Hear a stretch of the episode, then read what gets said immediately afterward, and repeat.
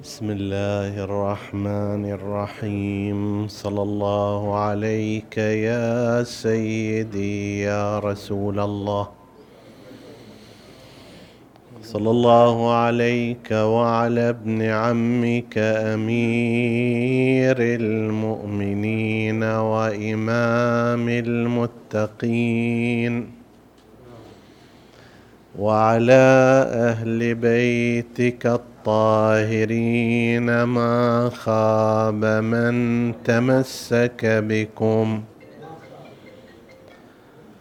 يا سيدي ويا مولاي يا أبا عبد الله الحسين أمن من لجأ والتجأ إليكم. يا ليتنا كنا معكم فنفوز فوزا عظيما. حق لي يبكي دما عوض الدمع الهتوني.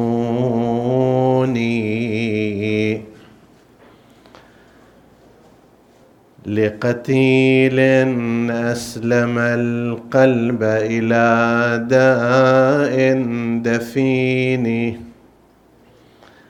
لست أنساه بأرض الطف إذ قال اخبروني ما اسم هذه الأرض؟ قالوا كربلاء يا ابن الأمين. قال كرب وبلاء في ثراها يدفنوني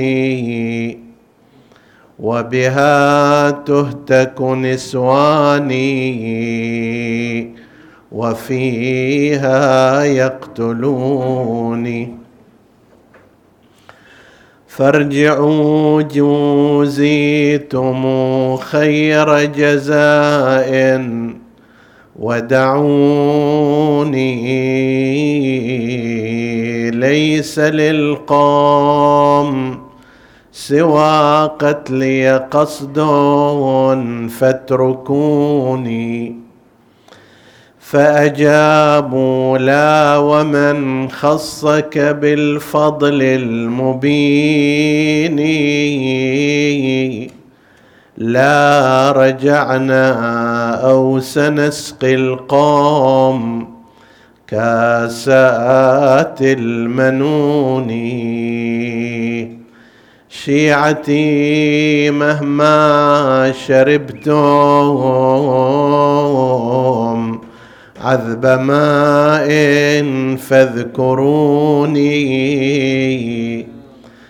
أو سمعتم بقتيل أو ذبيح فاندبوني. فأنا السبط الذي من غير جرم. قتلوني وبجرد الخيل. بعد القتل عمدا سحقوني. كيف أستسقي لطفلي فأبوا أن يرحموني؟ وسقوه سهم موت بدل الماء المعين. يا لخطب ومصاب هد أركان الحجون.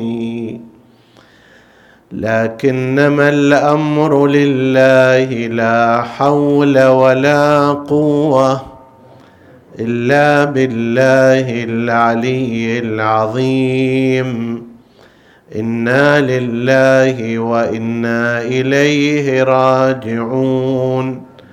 وسيعلم الذين ظلموا أي منقلب ينقلبون.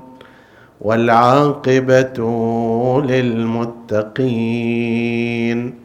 عطروا مجالسكم بذكر محمد وآل محمد.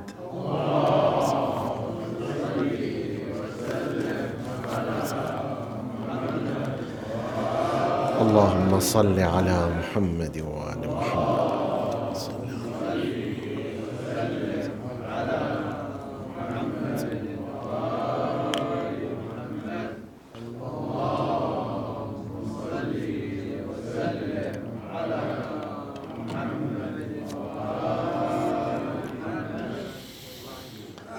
يتناول حديثنا هذه الليلة المرحلة الأخيرة من مسيرة ركب الأسارى والسبايا الحسيني والتي تبتدئ من كربلاء إلى المدينة المنورة في خامس مراحل هذا السفر المجهد بعدما خرجوا من كربلاء إلى الكوفة ومن الكوفة إلى الشام ومن الشام إلى كربلاء وآخر المطاف الخروج من كربلاء إلى مدينة رسول الله صلى الله عليه وآله. المؤرخون ينقلون أن الركب الحسيني لما وصل إلى كربلاء في يوم العشرين من صفر سنة إحدى وستين على النحو الذي بيناه في الليالي الماضية بقي هؤلاء ثلاثة أيام في كربلاء لإقامة مراسم العزاء ولدفن ما جلب من الرؤوس والقدر المتيقن كما بينا في ليلة مضت. كان رأس الإمام الحسين سلام الله عليه بما دلت عليه روايات المؤرخين والروايات الواردة من طريق أهل البيت وأقوال العلماء. فثلاثة أيام بقي من كان في هذا الركب من زين العابدين عليه السلام وعماته وأخواته ومن كان معهم من نساء الحسين. وبعد ثلاثة أيام يعني في اليوم الثالث والعشرين من شهر صفر سنة إحدى وستين تحركوا باتجاه مدينة رسول الله لذكره الشرف والصلوات.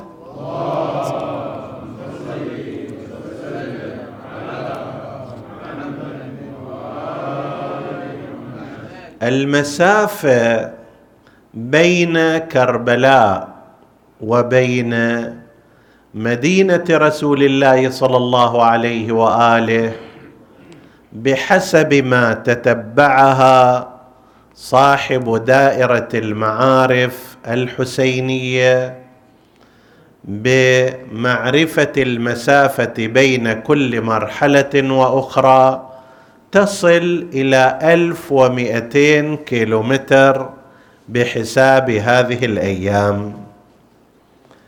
ألف ومئتين كيلو متر في أربعة عشر منزل ومكان بين قرية ومدينة وبلدة وبين عين ماء نزل فيها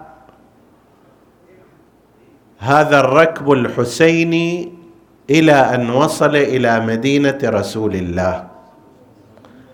بالحساب الذي ذكرناه فيما مضى من أن الإبل وهي وسيلة النقل الرئيسيه في تلك الأزمنة وأنها كانت تقطع في اليوم بشكل متوسط حوالي 160 كيلومتر. هذه المسافة 1200 كيلومتر ما تحتاج إلى أكثر من سبعة أيام. ولكن مع ذلك فما تحتاج إلى هذه الفترة الطويلة لأنه كلام الموجود أنهم خرجوا يوم 23 من شهر صفر ووصلوا إلى بوابة المدينة يوم ثمانية ربيع في نفس السنة. يعني قريب من خمسة عشر يوم في هذا الطريق. بحسب المسافة وسرعة السير التي ذكرناها في ليال مضت هم لا يحتاجون إلى أكثر من سبعة أيام تزيد قليلا.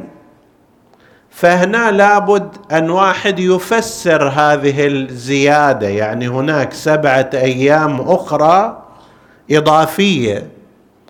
إما بالقول أنه عندما يقولون وصلوا إلى المدينة لم يحسبوا فيها فترة انتظار الإمام زين العابدين. عليه السلام على بوابة المدينة وقد انتظر ثلاثة أيام فيما تذكر الروايات وقصدهم وصلوا المدينة يعني داخل المدينة فإذا أضفنا إليها ثلاثة أيام تتقلص الفاصله مالت أسبوع كامل. وأيضا لا بد من ملاحظة أنه من المحتمل أن يكون السير ليس ضمن سير عادي وإنما هو أقل من ذلك. يعني بدل ما كانت الإبل تقطع مثلا في اليوم 160 كيلو ربما تقطع 140 كيلو متر. أو أنهم أقاموا في بعض الأماكن والمنازل فترة طويلة. يعني بدل ما إقامة مالت أبو أربع ساعات خمس ساعات صار أكثر من ذلك. على أي حال هذا الذي يذكر في التاريخ أنهم خرجوا يوم ثلاثة وعشرين صفر ووصلوا إلى المدينة يوم ثمانية ربيع الأول من نفس السنة. تعلمون أن خبر خبر شهادة الإمام الحسين عليه السلام وصل قبل وصول هؤلاء السبايا والأسارى على مرحلتين. المرحلة الأولى هي ما نعتقده عن الطريق الغيبي وشاهد ذلك هو أن أم سلمة عليها السلام زوجة النبي والمدافعه عن ولاية أمير المؤمنين عليه السلام وهذه تستحق أن تدرس حياتها. كانت لا تزال على قيد الحياة.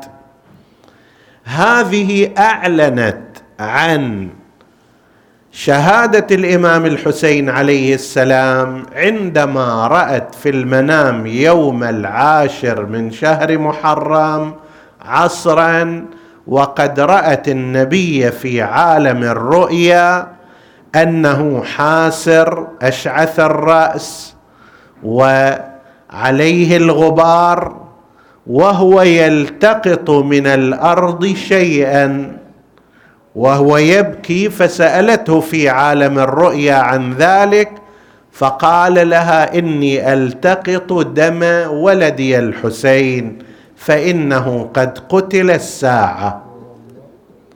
فقامت من منامها وبكت وأظهرت أمر ونادت وحسيناه وابن رسول الله صارت ضجه في البيوت القريبة من بني هاشم واستعلموا منها فأخبرتهم حتى نقل أن ابن عباس في الرواية عنه لما سمع صراخا عاليا من بيت أم سلمة قاده دليله كان كفيف البصر فأخذه دليله إلى أم سلمة فرآها تبكي فسألها ما الخبر؟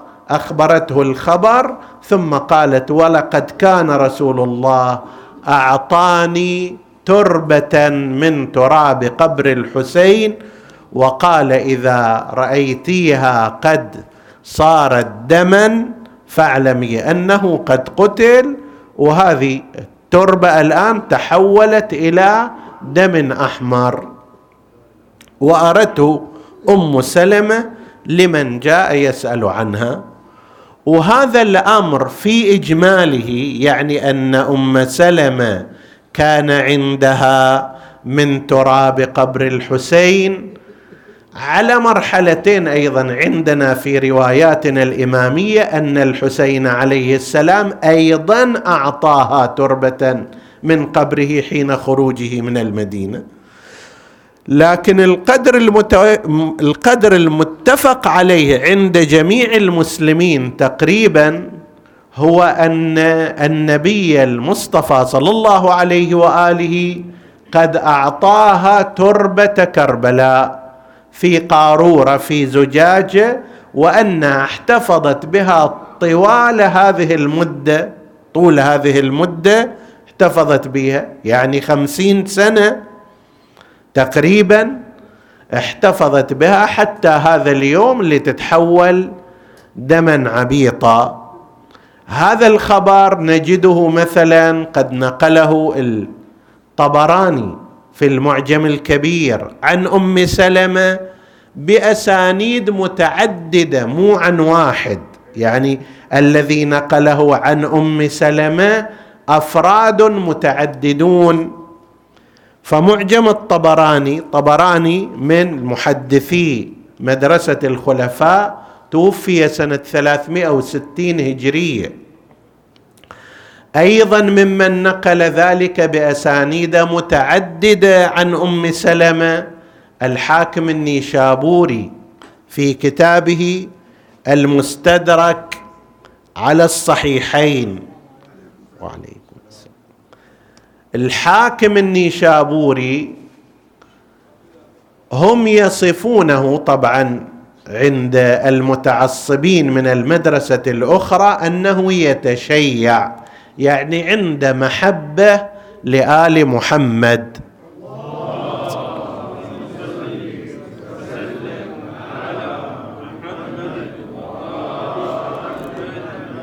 عنده ميل. طبعا ليس بالمعنى الشيعي المذهبي وإنما بمعنى الميل القلبي إلى أهل البيت. ولذلك تجد في كتابه المستدرك على الصحيحين عدد جم من الروايات في فضائل أهل البيت. يقول هذه الروايات على شرط الشيخين صحيحة. بأسانيد معتبرة ولكن لم يخرجاها في في كتابيهما. وهذا محل تساؤل. أنت عندك هذا السند سند صحيح بحسب مقاييسك بحسب شروطك فلماذا تأبى عن إخراجه في كتابك؟ هذا راح وشاف الأسانيد اللي صححها البخاري ومسلم تنطبق على جملة كبيرة من الروايات في مناقب أهل البيت أوردها في كتابه وسماه بالمستدرك على الصحيحين يعني اللي فات هذين الشيخين. الآن هذا موجود في الكتاب. ف في حدود 405 هجرية توفي الحاكم و ذكر هذا بأسانيد متعددة عن أم سلمة بل ذكر قريبا منه ولكن بسند عن أنس بن مالك أحمد بن حنبل إمام المذهب الحنبلي المتوفى سنة 241 هجرية. ذكر نفس المعنى ولكن هذه المرة ليس عن أم سلمة قضية التربة واللي اعطاه النبي إلى أم سلمة إنما نقلها عن أنس بن مالك. فإذا أصل الخبر هذا من الأخبار المعروفة وبناء عليه أم سلمة لما أخبرت وبكت وأعلنت الحزن على الإمام الحسين عليه السلام. من ذاك الوقت بدأ مأتم في المدينة. حتى أيضا بنو هاشم نسائهم الباقيات. هناك اقمنا العزاء لفترة أيام على الحسين عليه السلام. هذا الإعلان الأول عن مقتل الحسين في المدينة المنورة. الإعلان الثاني جاء من السلطة الأموية نفسها ونحن نحتمل أنه احتاج أيضا إلى قريب عشرة أيام أو أسبوعين إلى أن يصل إلى المدينة. ذلك أن عبيد الله بن زياد لعنة الله عليه آمر شخصا يقال له عبد الملك السلمي قال له تروح الآن إلى المدينة وتبشر عمرو بن سعيد بن العاص الأشدق بما فتح الله علينا حسب تعبيره وبأن الحسين قد قتل ولا تتعلل بشيء. هاي الفلوس عندك لو ولازم تمشي مشي سريع ولو نقبت دابتك أو دبرت فاتركها واشتري واحدة ثانية. هل قد القضية عنده مهمة؟ زين؟ وبالفعل هذا عبد الملك جاء إلى المدينة. فأول ما دخل يقول سألني رجل من قريش ما الخبر؟ يدري أنا مو من أهل المدينة. قلت الخبر عند الأمير. فقال لقد قتل الحسين. والله أنت جاي بخبر الحسين جاي تبشر بهذا الخبر. وبالفعل يقول ذهب إلى عمرو بن سعيد. الأشدق ويسمى بالأشدق لأن في فكه كان لقوة يعني كان حنكة لا يعمل بشكل طبيعي. بعضهم فسرها بأنه لكثرة ما لعن أمير أمير المؤمنين عليه السلام. لكن على أي حال هو لم يكن شدقه بشكل صحيح يعمل فلما جاب الخبر هذا يقول سر سرورا كبيرا وأخذ يضحك وقال يوم بيوم بدر. زين. نفس هذا راح وأعلن على الملأ في الخطبة في خطبة أسوأ منه. يعني عباراتها عبارات مجافية لكل الحقائق التاريخية. أقرأ لك قسم منها. يقول صعد المنبر وقال أتانا خبر قتل أتانا خبر قتل الحسين بن علي ولوددت أن رأسه في جسده يكذب بذلك. وروحه في بدنه.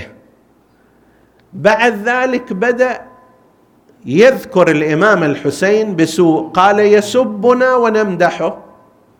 وهو بالعكس هو هذا اللي دزه عمرو بن سعيد الأشدق دزه يزيد قال له تروح إلى مكة إذا جاء الحسين فاقتله ولو كان متعلقا بأستار الكعبة. وما كان حاكم سواه حاكم على المدينة وعلى مكة لشدته وغلظته وتعطشه للدماء. هو نفس هذا ما أمهل القضية؟ هدم دار أمير المؤمنين عليه السلام. وهدم دار عقيل وهدم دار الرباب بنت امرئ القيس زوجة الحسين عليه السلام. يذكر المؤرخون أنه هدم ثلاثة دور ثلاث دور هدمها في المدينة. هو يقول يسبنا ونمدحه. الحسين متى سب هؤلاء؟ متى سبه هو شخصيا؟ ويقطعنا ونصله وهو يكذب في ذلك كعادتنا وعادته. حتى اعترض عليه بعض الحاضرين قالوا له أتقول لابن فاطمة هكذا؟ فقال فدفعه في صدره وقال وما أنت وذاك؟ ما لك شغل في هذا الكلام؟ فالمهم هذا هو الإعلان الثاني الذي تم فيه عن خبر مقتل الحسين عليه السلام هذا بعد إعلان رسمي. الإعلان الرسمي من قبل السلطة أن الحسين قد استشهد وعلى أثر ذلك أيضا نساء بني هاشم القريبون منهم أيضا أعلنوا الحداد والبكاء وكان هذا الوالي عمرو بن سعيد يتشمت في ذلك ويقول يوم بيوم بدر وأنشد عجت نساء بني زياد عجة كعجيج نسوتنا بيوم الإرنب يعني مثل ما ثم قال واعية بواعية عثمان مثل ما أنتم سمعتوا البكاء على عثمان إحنا اليوم نسمع البكاء. طيب عثمان ما ذنب أهل البيت معه؟ بالعكس الإمام أمير المؤمنين عليه السلام خلى الحسن والحسين يصدون عنه. صحيح هو لم يسر فيهم بالسيرة الحسنة ولكن بهالطريقة ما كان الإمام أمير المؤمنين يريد. وما كان هؤلاء يتشمتون في مقتل عثمان ولا غيره هي مو أخلاقياتهم. لكن هذا يقول يوم بيوم عث بيوم عثمان أو واعية بواعية عثمان ومرة يقول يوم بيوم بدر وعلى هذا المعدل. لذلك في اليوم الماضي قلنا أنه لا يمكن أن يقبل القول بأن يزيد أرسل رأس الحسين إلى عمرو بن سعيد هذا حتى يدفنه بجنب أمه كما ذكر بعض هؤلاء المؤرخين خطأ. فاذا هذا الإخبار الثاني الإمام زين العابدين عليه السلام أراد أن يكون الإخبار الثالث متناسبا مع قضية الحسين ومع شأنه بعدما تأكد ويعطي له رؤية أيضا. فاولا الإمام خيم خارج المدينة ما دخل على طول. ونصب مخيمة هناك حتى اللي يريد يعز يجي إلى هناك. يصير المأتم والمجلس والخطاب وغير ذلك في ذلك المكان ثم إذا أرادوا أن يدخلوا فليدخلوا. وبالفعل الإمام زين العابدين خيم هناك. وكما هو معروف جاء إليه بشر أو بشير ابن حذلم. وعزاه بوالده الحسين وبالطاهرين الصفوه من الشهداء فقال له الإمام عليه السلام رحم الله أباك يا بشر فلقد كان شاعرا فهل تحسن الشعر؟ قال بلى إني لشاعر قال اذا فادخل المدينة وانعى إلى أهلها والدي الحسين عليه السلام.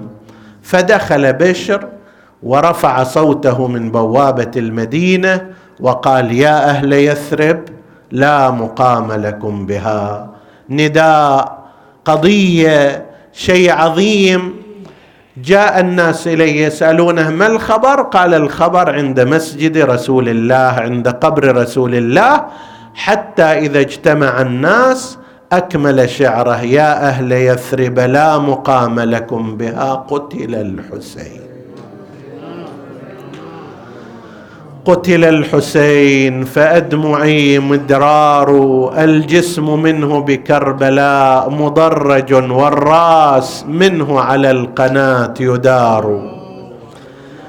ثم بعد ذلك الإمام سلام الله عليه خطب في من حضر لأن الناس لما جو وسمعوا من بشر قال لهم بشر إن ابنه علي بن الحسين على ظاهر المدينة فاذهبوا لتعزيته. بالفعل انتقل هذا الجمع بأكمله رجال نساء وقالوا في بعض أوصافه حتى كان كيوم مات فيه رسول الله صلى الله عليه وآله. جاءوا إلى ظاهر المدينة هناك الإمام السجاد عليه السلام خطب فيهم خطبة مختصرة جدا. نشير إليها ونبين أوضح ما ورد فيها نوضح أهم ما ورد فيها. قال الحمد لله رب العالمين بارئ الخلائق أجمعين الذي بعد فارتفع في السماوات العلى وقرب فشهد النجوى نحمده أو نحمده على عظائم الأمور وفجائع الدهور وألم الفجائع ومضاضة اللواذع وجليل الرزء وعظيم المصائب الفاظعه الكاظة الفادحة الجائحة. أيها القوم إن الله وله الحمد. ابتلانا بمصائب جليله. وثلمة في الإسلام عظيمة. شنو هي؟ قتل أبو عبد الله الحسين. وسبي نساؤه وصبيته. وداروا برأسه في البلدان من فوق عالي السنان. وهذه الرزية التي لا مثلها رزية. إي والله يا سيدي. أيها الناس فأي رجالات منكم يسرون بعد قتله؟ أم أي فؤاد لا يحزن من أجله؟ هذه المصيبة يقراها السجاد بنفسه. أنا لست إلا ناقلا وإلا الخطيب هو الإمام السجاد عليه السلام.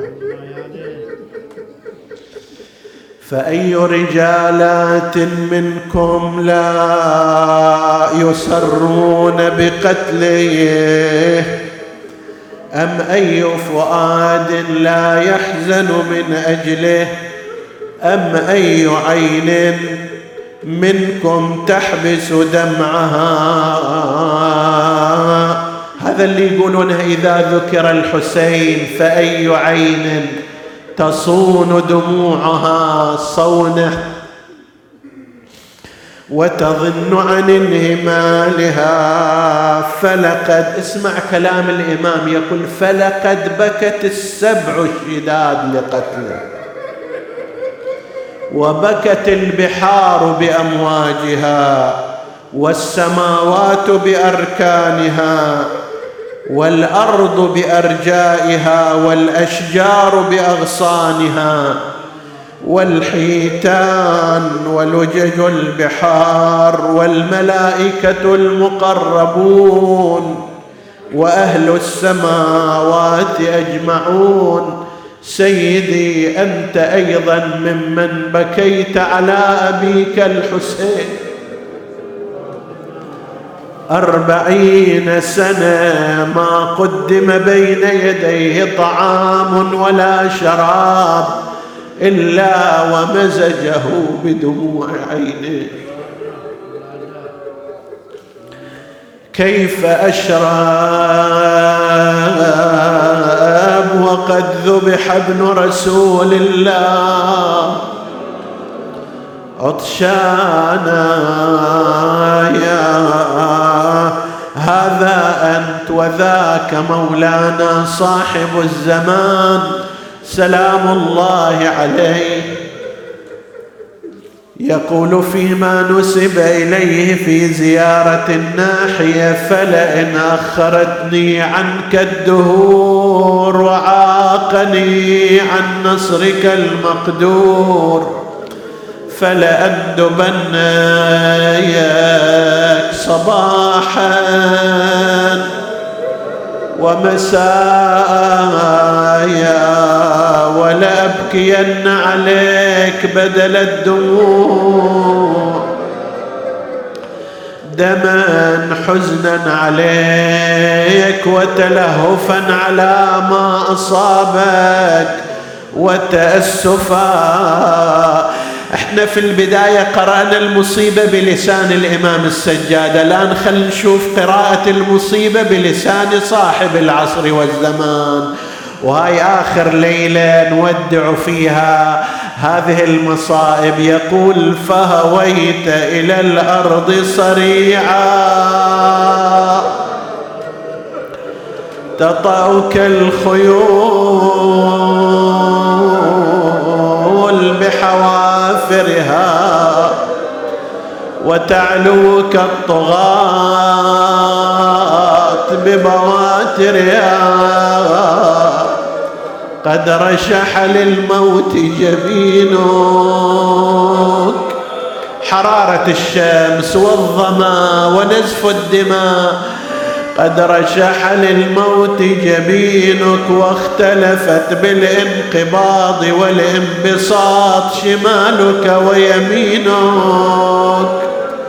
تدير طرفا خفيا إلى أهلك وبنيك وقد شغلت بنفسك عن أهلك وذراريك. بعد سيدي وأسرع جوادك إلى الخيام محمحما داعيا وبالظليمة مناديا. فلما رأينا النساء جوادك مخزيا ونظرنا السرج عليه ملويا خرجنا من الخدور ناشرات الشعور على الخدود لاطمات وبالعويل داعيات وبعد العز مذللات وإلى مصرعك مبادرات فرأينا شمرا على صدر فأقبلنا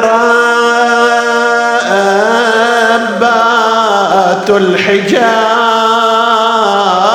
وللأسى تفاصيل لا يحصي لهن مفصل.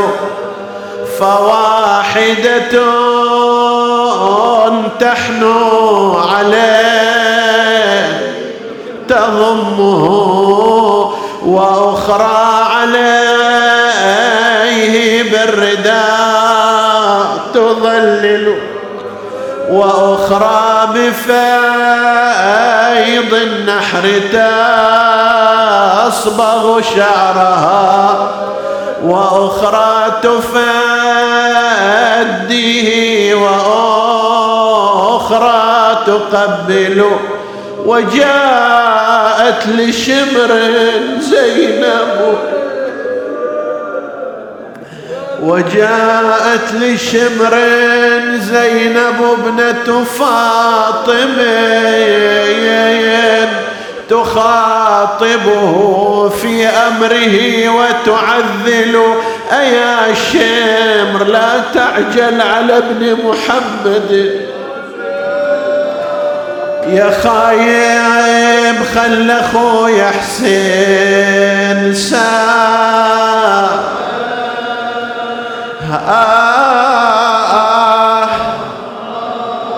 أغمض له ومد للموت با آه ما هو شمامة الحلوة طباع